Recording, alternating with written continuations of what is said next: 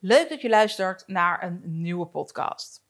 Heb jij een onderneming en heb je daar een naam voor bedacht die beschrijvend is, dus die vooral zegt wat je doet?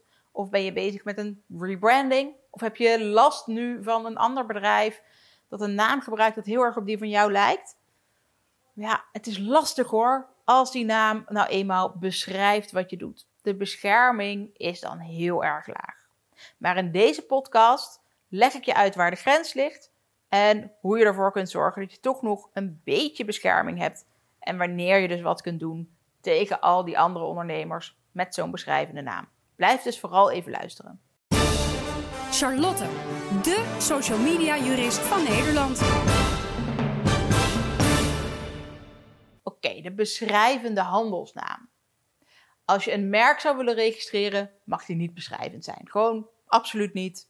Verzin een fantasienaam. Eigenlijk het enige wat je als merk kunt registreren. Maar gewoon je bedrijfsnaam, je handelsnaam, dus de naam die je inschrijft bij de Kamer van Koophandel en die ontstaat gewoon vanzelf door hem te gebruiken op je website, op social media, in al je andere uitingen vanuit je bedrijf. Dat is je handelsnaam en die mag wel beschrijvend zijn. Nou, dat kan natuurlijk heel erg fijn zijn, dat mensen dan meteen begrijpen wat je doet. Kan soms ook gewoon handig zijn om vindbaar te worden in Google.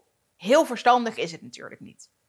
Omdat zo'n beschrijvende handelsnaam nou eenmaal vooral vertelt wat jij doet binnen je bedrijf. Dus als jij een bakker bent en je noemt jezelf bakker of bakkerij, ja, dat is gewoon beschrijvend voor wat je doet. Alle andere bakkers en bakkerijen mogen zichzelf ook een bakker of bakkerij noemen of in hun omschrijving van hun bedrijf die woorden gebruiken. Dat betekent dus dat jouw bescherming voor jouw handelsnaam heel erg, nou ja, eigenlijk heel erg laag is. Dat komt omdat je een ander niet kunt verbieden om zo'n naam ook op een beschrijvende manier te gebruiken. Toch is het in principe zo met het handelsnaamrecht dat je wat kunt doen tegen anderen die een naam gebruiken die verwarringwekkend veel lijkt op die van jou.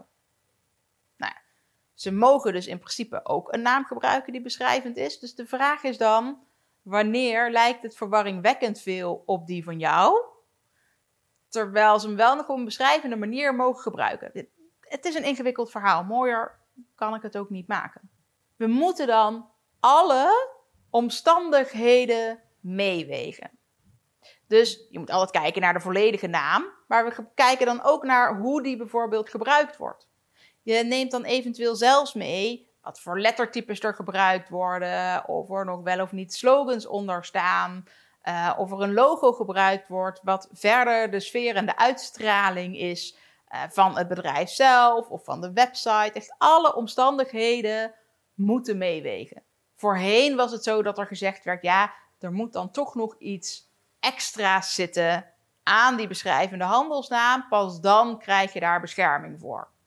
Maar sinds februari 2021 is er een uitspraak van de Hoge Raad waarin gezegd wordt: ja, nee, dat staat helemaal niet zo in de wet dat dat iets extra's nodig is.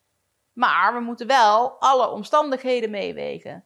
En de bescherming van een beschrijvende handelsnaam is nou eenmaal laag. Dus is het zo dat de ene beschrijvende handelsnaam heeft en iemand anders met een handelsnaam komt die ook beschrijvend is en er veel op lijkt, maar toch nog wat dingetjes heeft waardoor het anders is en waardoor er eh, misschien niet aan toegevoegd is waardoor het anders lijkt of waardoor de uitstraling gewoon heel anders is, nou, dan kan dat al voldoende zijn om ervoor te zorgen dat er toch geen sprake is van verwarring. Dat komt simpelweg omdat je bescherming super laag is. Dus kleine wijzigingen kunnen er al voor zorgen dat we toch zeggen dat er geen sprake meer is van een inbreuk.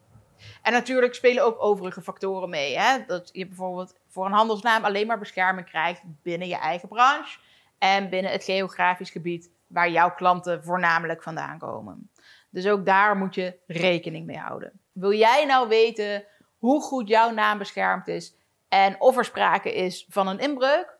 Of ben je nu bezig met een rebranding en met een nieuwe naam en wil je weten hoe sterk je in je schoenen staat met die naam? Boek dan vooral een oploskoffie via www.oploskoffie.nu. Ik denk graag met je mee over je nieuwe naam en ik leg je ook graag uit hoe sterk je staat met de naam die je nu hebt en of er eventueel sprake is van een inbreuk door iemand anders. Vond je dit nou een nuttige video? klik vooral nog even op het duimpje omhoog. Ben je nog niet geabonneerd? Shame on you. Doe het vooral even. Het is uh, die rode knop hieronder. Dankjewel voor het luisteren naar weer deze podcast. Ik hoop dat je hem nuttig vond, dus laat alsjeblieft met het aantal sterren weten wat je van deze podcast vindt. Vond je dit verder een nuttige podcast die misschien ook wel nuttig kan zijn voor andere ondernemers? Stuur hem dan vooral naar ze door. En uh, als je hulp nodig hebt, je weet me te vinden, www.oploskoffie.nu. En dan hoor ik je heel graag weer volgende week dinsdag voor een nieuwe podcast.